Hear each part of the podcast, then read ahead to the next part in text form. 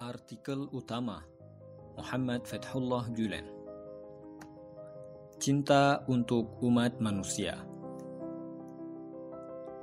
Cinta adalah sebentuk obat mujarab yang menghidupkan. Manusia menjadi bahagia karena cinta dan membahagiakan orang-orang di sekelilingnya dengan cinta. Dalam kamus kemanusiaan, cinta adalah kehidupan kita merasakan dan mengindra satu sama lain dengannya.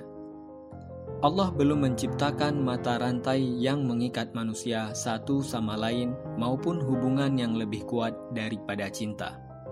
Sejatinya, bumi ini tak akan berarti apa-apa, bahkan akan hancur tanpa rasa cinta.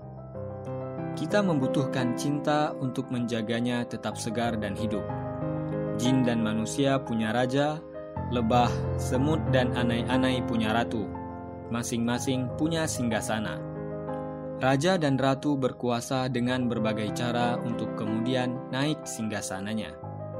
Jika ada seorang raja yang memerintah di atas singgasana hati kita tanpa perlu mengerahkan kekuatannya, maka itu adalah cinta.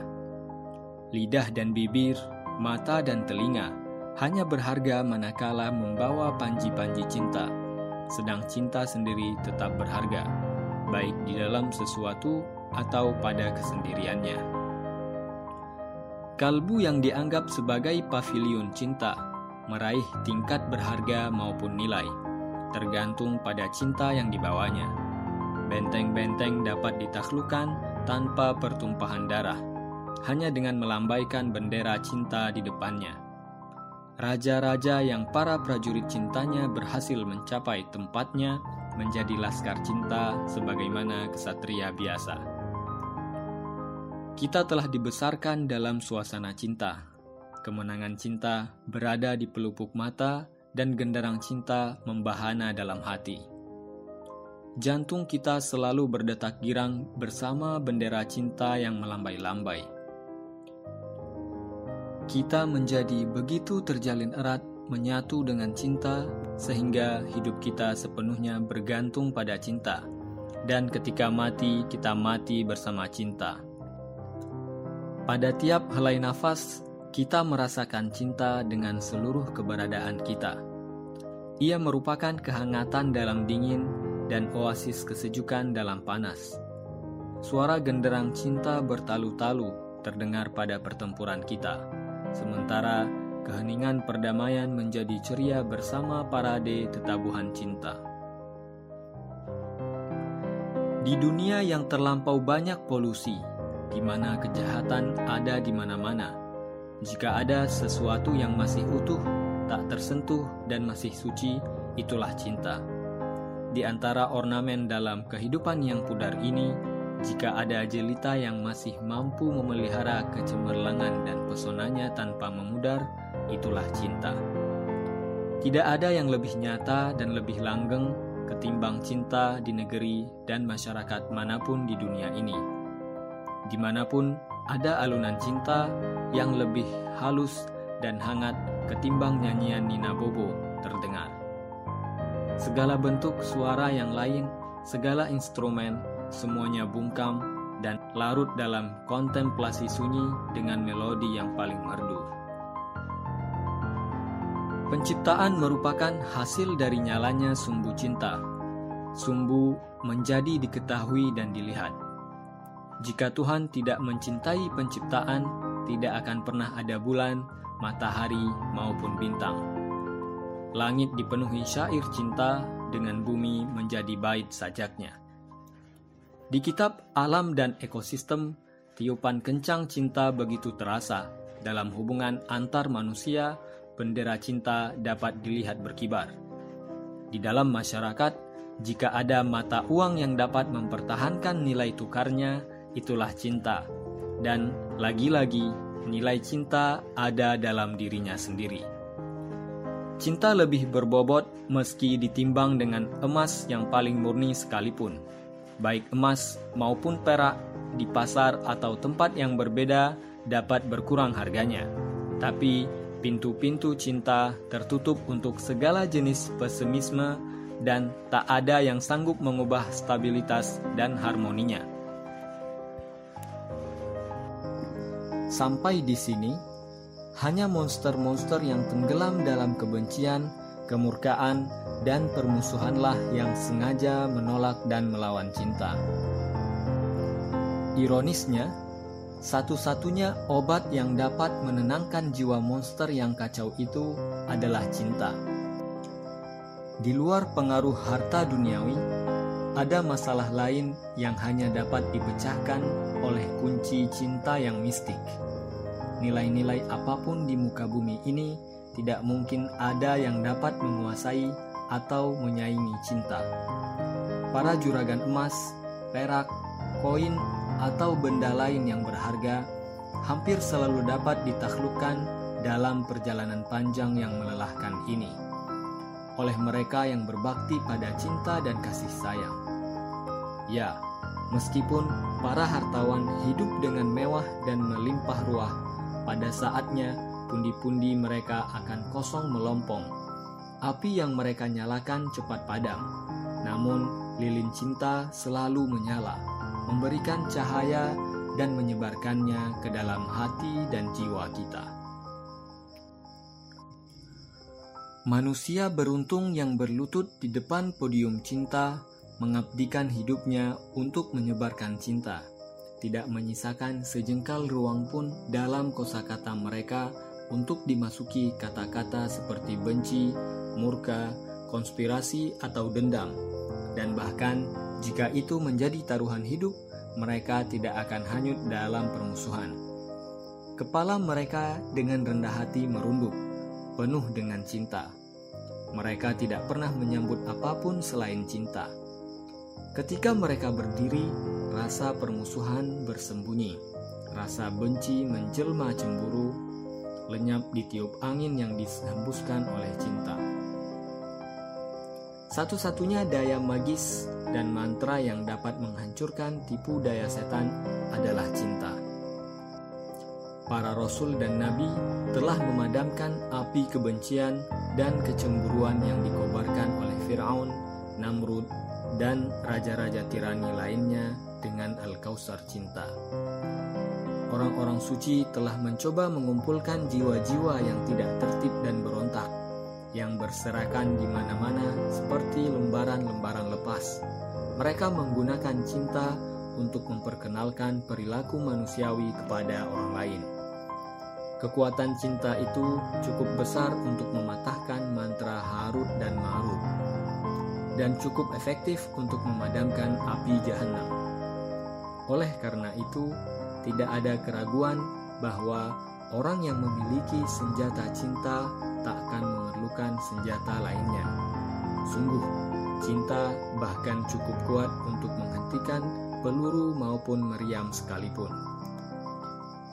Ketertarikan kita pada lingkungan serta cinta kita untuk manusia tergantung pada pengetahuan dan pemahaman jati diri kita sendiri, kemampuan untuk menemukan diri sendiri, dan untuk merasakan hubungannya dengan Sang Pencipta. Sejalan dengan kemampuan untuk menemukan dan merasakan kedalaman batin dan potensi tersembunyi di dalam jati diri, kita juga akan mampu menghargai potensi yang sama yang dimiliki orang lain. Selain itu, karena nilai-nilai batiniah ini langsung berhubungan dengan Sang Pencipta dan demi terpeliharanya anugerah yang tersembunyi dalam setiap makhluk, kita akan mulai melihat segala sesuatu yang hidup dari perspektif yang berbeda dan dengan cara yang berbeda pula. Pada kenyataannya, tingkat pemahaman dan apresiasi kita satu sama lain tergantung pada seberapa baik kita mengenali kualitas dan anugerah yang dimiliki setiap orang. Kita dapat meringkas konsep ini dengan sabda Nabi Shallallahu Alaihi Wasallam seorang mukmin adalah cermin bagi mukmin lainnya. Kita bisa memperluas pengertian hadis ini dengan analogi manusia adalah cermin dari manusia lainnya. Jika kita berhasil melakukan hal ini serta mampu memahami dan menghargai anugerah yang tersembunyi di dalam diri setiap orang, maka kita juga akan mampu memahami bagaimana menghubungkan anugerah ini kepada pemilik yang sebenarnya.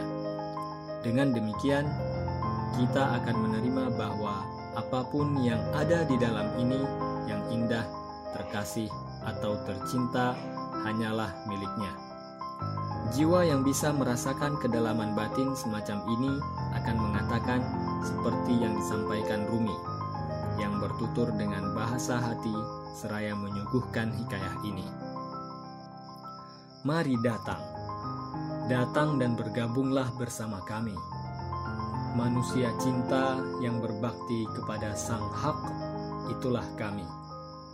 Mari datang dan datang melalui pintu cinta, lalu bergabung bersama kami.